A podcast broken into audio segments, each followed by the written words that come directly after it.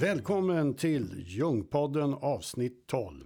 Den här gången har vi fått möjlighet att spela in på sexologen och jungianen Malena Ivarssons kontor. Det handlar om slumpen. Ja, vi ska snart förklara mera, men först en liten presentation. Vi som gör Jungpodden heter Katarina Baldo Sagado. Och Rolf Wrangnert. Vår podd är Sveriges kanske allra smalaste om livets stora frågor. Jungpodden stöds av Svenska C.G. Jung-stiftelsen i Stockholm. Men du som lyssnar kan också bidra, gör det. Swisha ditt bidrag till 070-543 8208. Så vad 17 har slumpen med Carl Gustav Jung att göra? Och var kommer Malena in i bilden? Jo, det finns en gemensam nämnare och vi pratar om den urgamla kinesiska spåkonsten I Ching. Och ordet synkronicitet. Just det, häng med. Vår historia börjar för mer än 3000 år sedan. Välkommen tillbaks Malena till Jungpodden. Du var ju med i första avsnittet och berättade om Jung. Tack ska du ha Katarina. Men eh, nu handlar det om det här i Qing. Vad sjutton är det egentligen? Och var kommer det ifrån? I Qing eller I Jing, det är en kinesisk orakelmetod kan man säga. Den har beskrivits som en eh, divination, alltså att man försöker förstå framtiden med hjälp av att lägga olika hexagram. Det är mer ett slags psykologisk karta över tillståndet du har med dig själv och din omgivning just nu. Xing speglar nuet framför allt. Men det är klart, i nuet finns alltid en möjlighet till en framtida utveckling. Men det är urgammalt, eller hur? Ursprungligen så kommer den från Kina och den är en del säger 5000 år gammal, andra säger 3000 men man kan vara i alla fall överens om att den är runt 300-talet eh, när Konfucius gjorde de här tilläggen. Och eh, det var en annan kejsare som satt i fängelse i nio år och utvecklade systemet. Från början så menar man att man har haft, eh, mm, vad säger man, turtwas, eh, vad heter det nu? sköldpaddeskal. Som man har gjort, eh, plockat eh, linjer med. För att hela systemet kan man säga är uppbyggt av att det finns en enhet någonstans. Och sen bryter den sig loss i ljus och mörker, yin och yang. Du vet den här berömda tai chi-symbolen. Och från den kan man dra streck till rena yin-linjer, rena yang-linjer. Det här är ju en av världens äldsta texter som är bevarade. Det och, finns en bok alltså? Från början? Alltså från början har man, skrivit, man har skrivit ner det här i olika omgångar. Så språket är ju ganska arkaiskt och eh, väldigt speciellt om man tar den kinesiska eh, förebilden. Men sen har ju man gjort olika tolkningar av det här svaren som man får, de här 64 hexagrammen. Och en av de mest berömda tolkningarna och hur den kom till väst, den här fantastiska visdomsboken. Mm. Det är en visdomsbok mm. mer än någonting annat. Den kom till väst via en missionär som heter Richard Wilhelm. Just det. Som, och som Jung kände och träffade. Ja, det var en av eh, Jungs allra äldsta bekanta. Och eh, Richard Wilhelm åkte till Kina för att missionera. Men han kom tillbaka med att ha blivit frälst av Kina istället. Han hade inte så stora framgångar med att övertyga kineserna om den kristna förträffligheten. Det blev tvärtom. Det blev tvärtom, men det finns ändå mycket som i, i Qing som kan vara, man säger ju så här att det, de här ursprungliga visdomarna har ju väldigt mycket gemensamt. Hur som helst så kom ju eh, Wilhelm tillbaka till Tyskland och eh, till Schweiz också. Han var väldigt god vän med Jung. Det sägs, Jung, jag läste någonstans att Jung höll tal på Richard Wilhelms begravning ja, de var 1930. Vänner. Alltså, mm. Jung använde ju själv I Ching i över 30 år innan han skrev det här berömda förordet till eh, Richard Wilhelms översättning. Och den förordet skrev han 1949.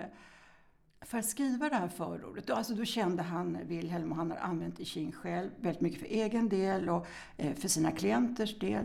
Och han myntade ju också det här berömda begreppet synkronicitet för att någonstans försöka förstå vad, vad det handlar om. Hur hur eh, vårt psyke och hur vår materia samspelar. Och det kan det göra på flera olika sätt.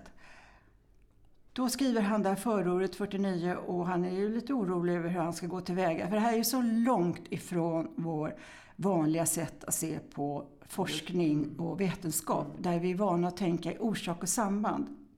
Kineserna har ett helt annat sätt att se på vad som är viktigt. De bryr sig inte alls så särskilt mycket om ABCD, alltså orsak och samband, utan de är mer intresserade av vilka energier hör till det här ögonblicket. Hur sammanfaller mitt ögonblick med det större, så att säga. Hur kan jag bli i, i, samspel med de element eller de andliga krafter som omger den här situationen?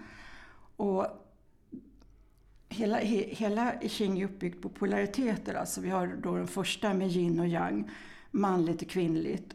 Och det här är inte alls något eh, som man ska tolka nedvärderande eller uppvärderande utan det är bara sakernas tillstånd ungefär som att vi har natt och vi har dag, vi har mörker och vi har ljus. Och hur det här samspelet ska fungera är jätteintressant och där bryter man helt med den här kristna traditionen där man alltid vill försöka få allting ljust och vitt ja, och gott. Det, det. Utan kineserna menar att allting är uppbyggt av polariteter. Därför kan vi inte utesluta det ena från det andra. Eh, och man sätter sig lite grann över sådana begrepp som ont och gott. Utan det är mer, hur kan jag handla så att resultatet blir så bra som möjligt i den här givna situationen? Just det. Men du sa att Jung själv la i Qing i 30 år. Mm. Men han var inte så öppen med det, eller hur? Förrän på, slutet ganska, av sitt liv. Jag tror han var ganska öppen med, eh, med de klienter han mötte och eh, sina jungfrauen som han pratar om. Alla de kvinnor som fanns omkring honom och varav många var terapeuter och även manliga terapeuter. Men att vara öppen med att man använder ett slags eh, orakelsystem. Orakel tycker jag egentligen är fel ord, för det, det är inte det. Men att vara öppen om att man använder någonting som man också kallar för trollformler och eh, strunt och, och trams. Det är klart att han, Jung själv var så annorlunda och eh, hade så många andra ingångar till psykologiska problem så att han var rädd att det skulle skada honom. Och när han då skriver det här förordet 1949 då börjar han med att fråga I Ching, vem är du? Och så säger han att I Ching är ju en själens bok. Och man kan adressera I Ching på det viset att man tar det som en dialog med sin egen själ eller till ett högre väsen. Han myntade ju också begreppet självet. Mm. Och då får han som svar hexagram nummer 50 som betyder gryta, det betyder också kärl. Och det är kärlet som föder och ger näring till allting. Alla ting, alla former. Mm. Och kan man tänka sig någon bättre bild egentligen för, eh, som jag tycker, att I Ching är ett levande väsen, det ger näring, det finns alltid en möjlighet att eh, konsultera det. Och eh, som jag tänker idag så finns det så mycket information överallt. Men vad vi saknar är visdom. Men, men äh, vänta lite nu. Eh, vad är det Malena pratar om här? Orakel? Synkronicitet? I Ching? Nej, vi behöver förklara lite mer. Så här skriver Susanne Gieser, filosofie doktor i idé och lärdomshistoria i förordet till den svenska utgåvan av Robert H. Hopkes högintressanta bok Slump och synkronicitet. Synkronicitet, ett krångligt ord för en svårgripbar företeelse. C.G. Jung lanserade begreppet i slutet av sitt långa verksamma liv som psykolog. Det var ett vanskligt företag och han gjorde det med stor tvekan. Inte minst för att han inte hade någon färdig teori som skulle kunna förklara fenomenet. Det handlar nämligen om något som i vår upplysta tid betraktas som vidskepelse. Vad många inte vet är att Jung aldrig skulle ha skrivit om synkronicitet om han inte blivit uppmuntrad och påhejad av en av sin tids största fysiker, nobelpristagaren Wolfgang Pauli, som var med och skapade kvantfysiken på 1920-talet. Och Giesers doktorsavhandling handlar just om tankeutbytet mellan Jung och Pauli. Hon fortsätter. Av naturliga skäl ser psykologens intresse helt annorlunda ut än fysikerns. För en psykolog är det framförallt den snävare definitionen av synkronicitet som är av intresse. Den som Jung beskriver som ett sammanträffande av ett inre subjektivt tillstånd som sammanfaller med ett yttre skeende som står i direkt beröring med inre tillståndet. Ett sammanträffande som inte kan förklaras utifrån ett kausalt betraktelseperspektiv. Synkronicitetsprincipen handlar till syvende och sist, skriver Susanne Gieser, om att ställa frågor till verkligheten och våga se utöver våra kulturellt invanda tankemönster. En sak till behöver vi lägga till. Synkronistiska sammanträffanden sker ofta i övergångar mellan olika livsfaser. Och de är alltid symboliska.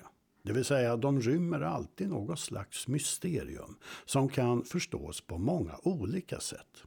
Ja, ni hör. Det blir bara gåtfullare och gåtfullare ju mer man försöker förklara.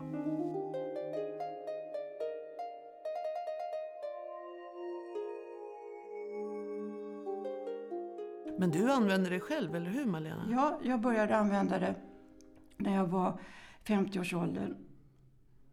Ja, kanske... Ja, spelar ingen roll. Jag började använda det när jag var i 50-årsåldern och då hade jag en mittlivskris.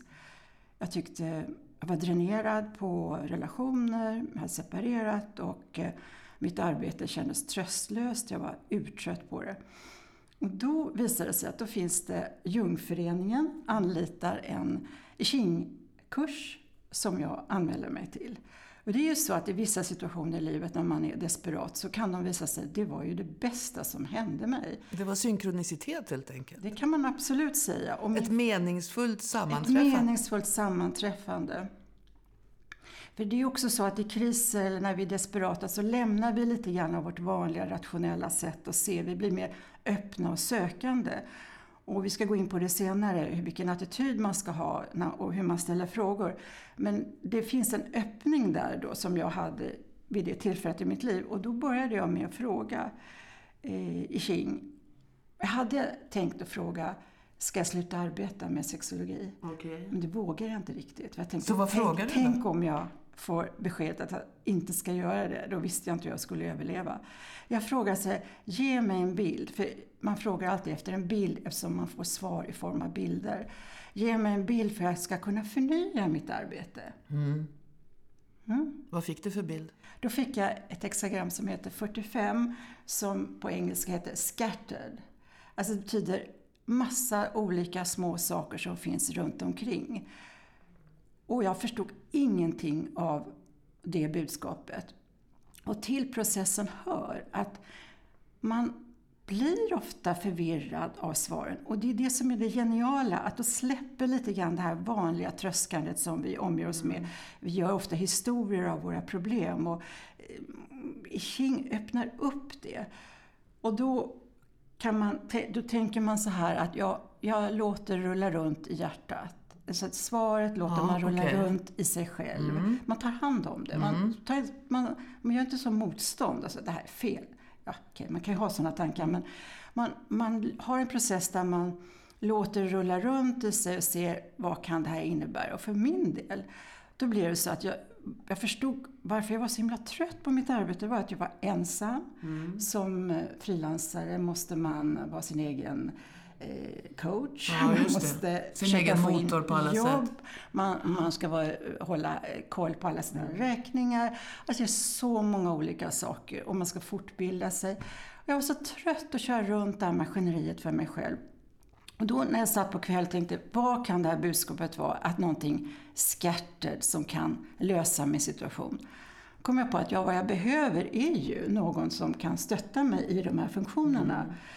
Och då tänkte jag, jag har inte råd att anlita alla de här professionerna mm. som jag skulle behöva. Men då fick jag plötsligt en idé, en helt ny idé. Och det var att jag ringde Socialhögskolan, för jag är ju botten socionom. Mm. Och jag vet att de alltid vill ha praktikplatser till sina elever. Det är jättesvårt att skapa fram de där praktikplatserna. Men då sa jag så här, ja, här är jag. Jag skulle kunna tänka mig att ta fyra praktikanter. Fyra praktikanter? Ja, det var vad de sa också. Ja, sa jag, för jag har en idé om att jag vill bilda en grupp där vi kan diskutera sexuella problem och, och samlevnadsrådgivning och hur man eh, gör på olika sätt. Jag fick ju då inte revisorskompetens och det där eh, som jag hade mm. behövt. Men det, det, spelar ingen roll utan jag fick sån ny energi av att ha dessa fyra tjejer mm. hos mig. Och hela den terminen var färgad av en slags väldig tillfredsställelse av att göra det här och att de var ju jätteglada för att komma in i min verksamhet mm. och se hur det fungerar. Och jag var jätteglad att känna den här deras nyfikenhet och deras intresse för sexologi mm. när jag själv var utbränd och utmattad ja, av det. det. Och det som är så fascinerande med när man ställer en fråga och får ett svar att det blir den här processen, ibland är det så kristallklart vad det betyder som det var för Jung när han fick det här svaret att jag är, jag är nummer 50, alltså jag är grytan som håller allting. Men ofta blir det en sån process att man, man går omkring med det och här är grejen, man blir stärkt. Man alltså får en helt ny styrka att genomföra saker eller ibland är det ju bara att förhålla sig i balans till någonting som man väldigt gärna vill mm. Eh, uppnå eller ha eller avstå från. Alla de där processerna får man då en slags styrka att genomföra. Okej, okay. men nu har du pratat om hexagram. Låt oss vara lite mer så här precisa nu. Eh, vad är ett hexagram? Hexagram är uppbyggt av yin och yang-linjer. Och det får man genom antingen kasta mynt eller göra med röllekeskälkar. Och man bygger upp då ett system som ger en form. Det systemet man får består av sex olika linjer. Och när man ser på dem ser man att de kan vara slutna eller öppna och så kan de också förändra sig. Och det man gör då när man får sitt hexagram är att man går in i de här olika tolkningarna. Mm. Och till exempel om man får nummer 45 som jag fick då. Mm. Så går man in sen och ser vad säger nu boken om 45.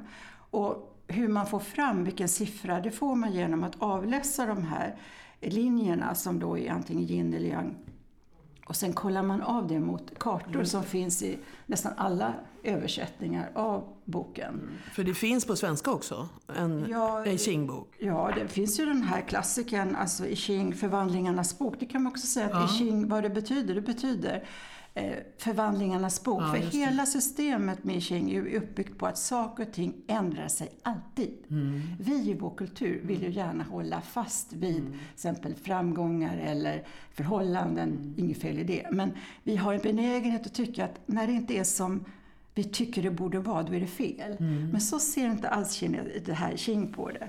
Så det är en slags lära om att eh, förhålla sig till alla dessa förvandlingar som alltid uppstår i mm. livet. Ja, men det vet, vi, det vet vi ju att egentligen det enda säkra vi vet, det är att allting ändras. Ja, vi, vi själva föds, blir äldre, dör och så vidare. Ja, men så finns det, Vädret ändrar sig hela tiden. Ja, men så finns det ju någonting som är det djupaste av allt och det är att det finns någonting inom oss som aldrig förändras.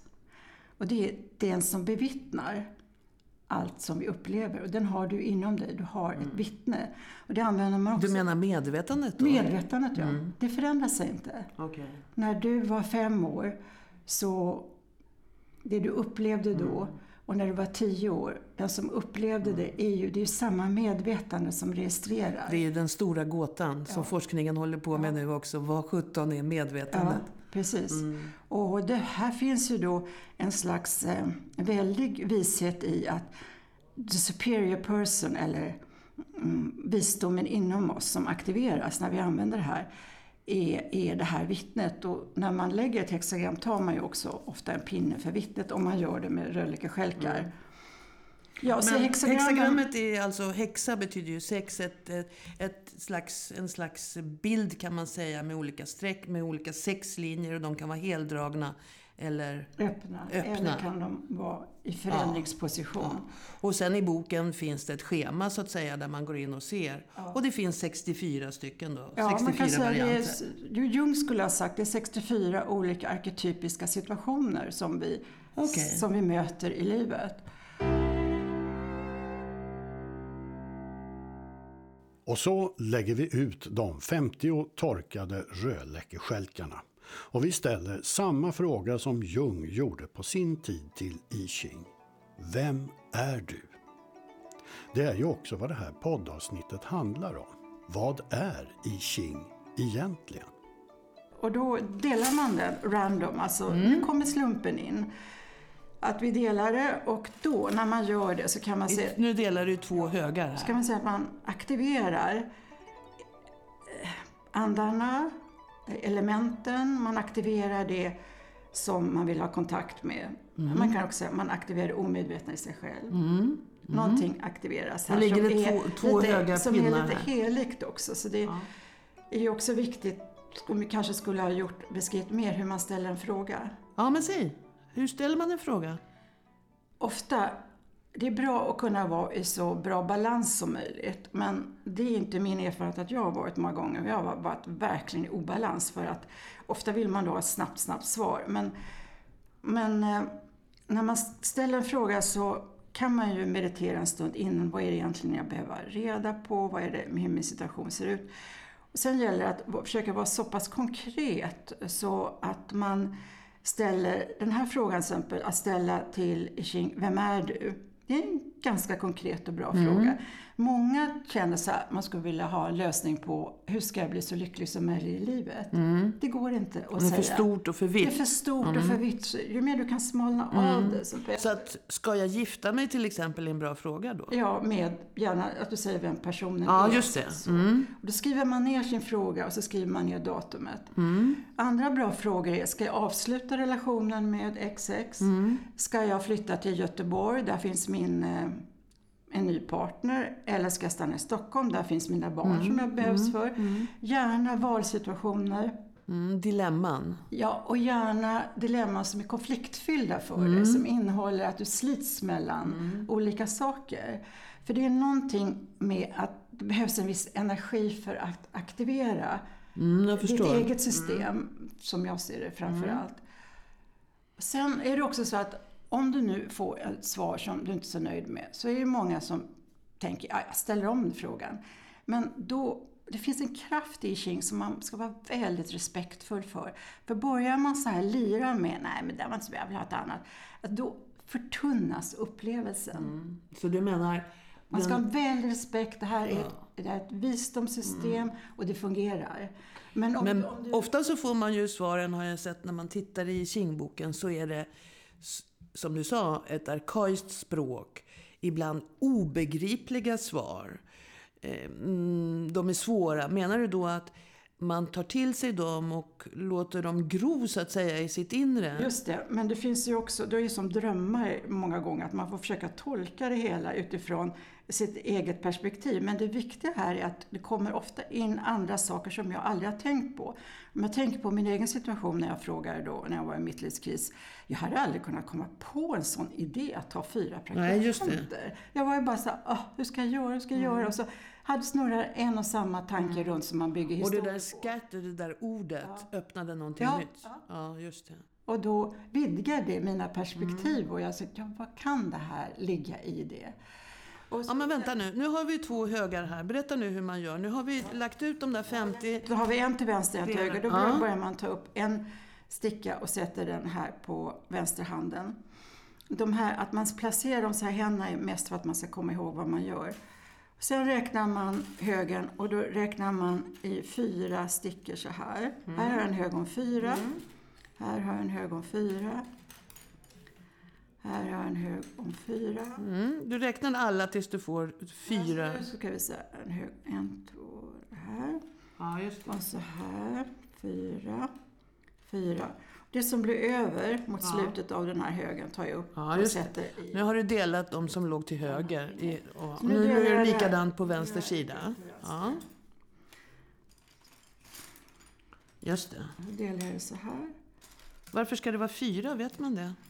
Nej, Det är bara så. hur det här systemet matematiskt är uppbyggt är, är, kan inte jag riktigt. Men jag lyssnade på en ganska intressant föreläsning av Alan Watts som finns Mm. på Youtube.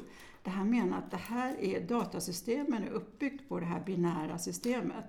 Och om det är någon som är intresserad av att Mm. utforska Ett, det. ettor och nollor. Det Ja, ettor och nollor. Just ja. det, precis. Digitalt. Just det, precis. Nu fick du tre över Ja, här. då tar jag upp dem. Ja, just och så det. lägger jag det undan Ja, där. nu lägger du dem i en Så särskild. får jag ihop alltihopa. Ja, så gör man om det här Ja, man gör om det 18 gånger.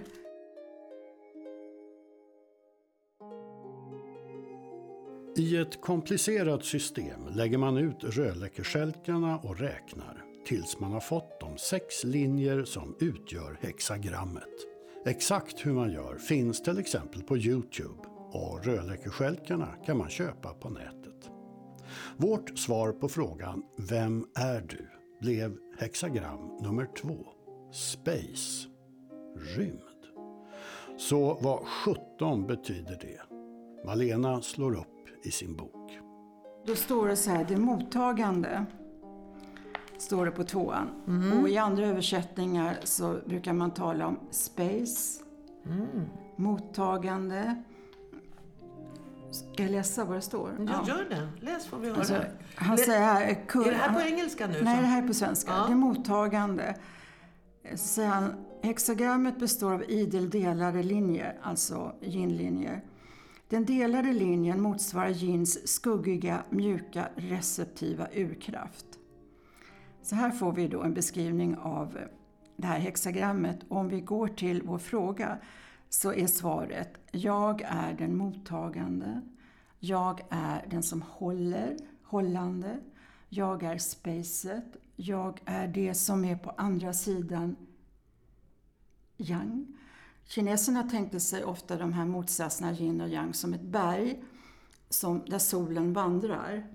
På, när solen står på ett visst sätt så att det bara är ljus, det är yang. När det går över till den andra sidan så blir det skugga. Ja, just det. Och i, i vår tradition här med att tolka just yin så är det, det är egentligen det moderliga som ger näring och som mottager allting. Stöter inte Okej. ifrån sig någonting. Okej. Men vi kan fortsätta. Det är motsatsen till det skapande, alltså det är motsatsen till formen. Mhm. Det, det är mottagande, spacet Mm. är ju det. Om du ser här runt omkring oss så har vi, här har vi space. Va? Vi Mm. lägger nästan aldrig märke till det. Nej, just det. Just det. Vad lägger vi märke Allt, till? allt som är runt omkring det Ja. som vi lägger märke ja, till. mellanrummet. Okej, vad spännande. Det brukar, man brukar säga så här när man mediterar, ta fasta på mellanrummet mellan två tankar. Där finns det verkliga consciousness. Jag kommer att tänka på direkt den svarta materien i rymden som vi inte vet någonting om. Ja. 98 procent av rymden består av svart materia. Vi vet inte vad det är. Ja. Och det är ju skuggan. Det är ju skuggan, Ja. men också det som är accepterande, hållande. Det är inte den som går ut och kämpar eller som är upptagen av den direkta formen, utan eh, det mottagande betecknar rummets verklighet i förhållande till det skapandes andliga möjlighet. När det möjliga blir verklighet och det andliga tar form sker det alltid genom en inskränkande individuell bestämning. Där pratar man om det här vanliga medvetandet som är begränsat. Här är alltså något helt obegränsat. Okej. Något eh, evigt, Okej. som man, eh, något som... Men det stämmer ju jättebra med hur du beskrev Qing från början. otroligt. Det är ju det är, ju, det är precis det som du sa. Men orden är svåra. Det hör man. Ja, det, det är så här att det här, det här är en översättning, men det finns ju så många fler.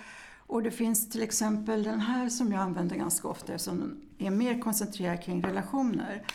Och då kan Mm, vi se, vad tar du fram för bok nu? Berätta. Den här heter Steven Karcher. Det är en, en, han är också poet som har skrivit flera, översatt flera olika i Qing-böcker. De finns på svenska också. Nu, nu är den här Symbols of Love. Okej. Som, eh, I Qing när man frågar om kärlek alltså. Ja, man, den här första kan ju också vara, alltså i, i Wilhelms kan man använda på alla de sätt. ja. Men de här, säger så här att de går ju framåt i tiden. Mm. I, i, I Wilhelms översättning finns det mycket av det här också patriarkala svåret. Ja, Eh, Mannen härskar över hustrun, Ja, den det. stilen. Som är helt obsolet, alltså, Mm. som vi inte använder oss av idag. Man får ju komma ihåg att det här är urgamla saker. det. Men Karcher då och flera, flera andra mm, flyttar fram det till, Ja, bläddra fram 23an där. här nej vi ska ta två, tvåan som vi fick då. Vad säger han om tvåan? Ja, tvåan var det, ja. Just det. Just det. Och ser här, att du är bara öppna, öppna Ja, hela, det, och bara, bara åttor öppna. här.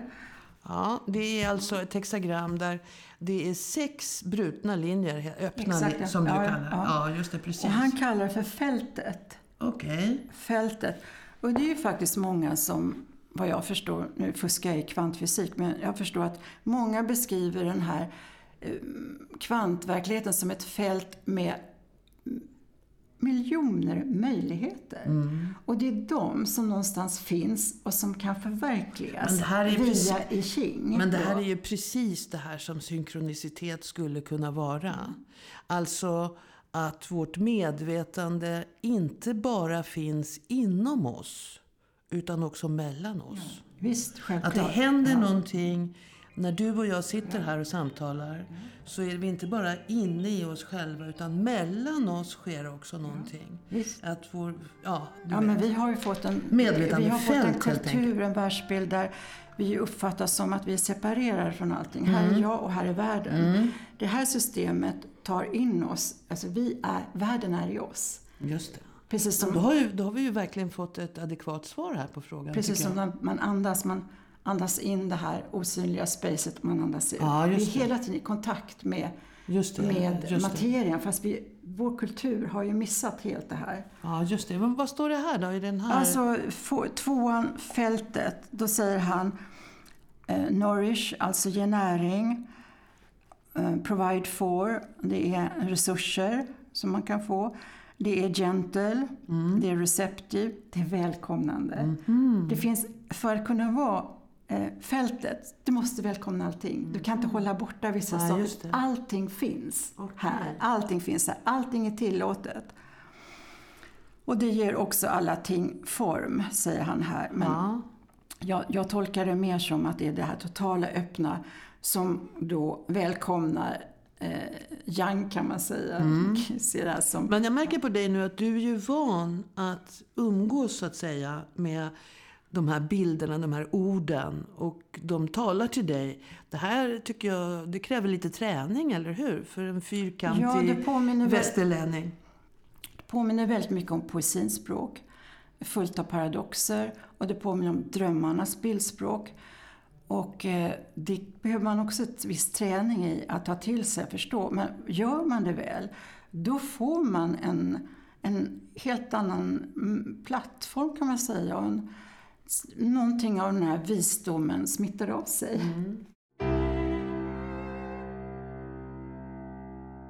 Så här förklarar Jung själv sitt begrepp synkronicitet.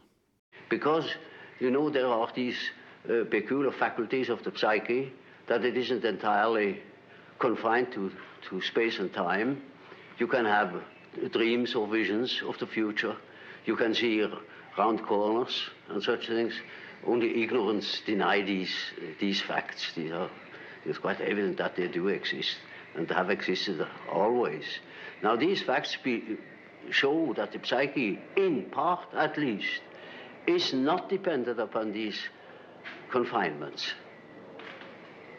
And then what? When the psyche is not under that obligation to live in time and space alone, and obviously it doesn't, then in, uh, to that extent, the psyche is not submitted to those laws. And uh, that means a, a- a practical uh, um, in, uh, continuation of life, of a sort of psychical existence uh, beyond time and space. Det finns en klassisk historia från Jungs praktik. En mycket intellektuell kvinna hade gått ett tag i terapi hos Jung utan att komma vidare. En dag berättade hon om en dröm hon hade haft. I drömmen hade hon sett en skarabé, en sån där guldfärgad skalbagge som var helig för de gamla egyptierna. Precis samtidigt som hon pratade om drömmen hörde Jung ett knackande ljud från fönstret bakom hans rygg.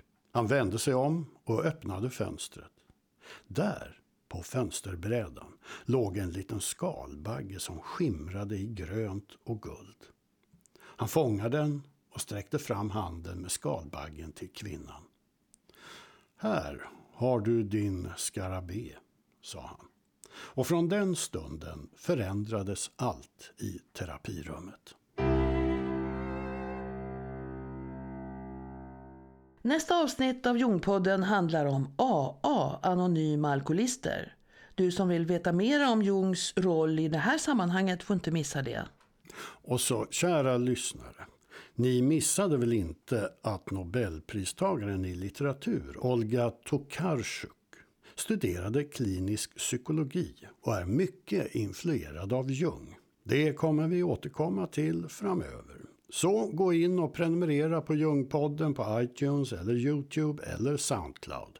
Ljungpodden finns också på Facebook. Vi hörs! Vi hörs!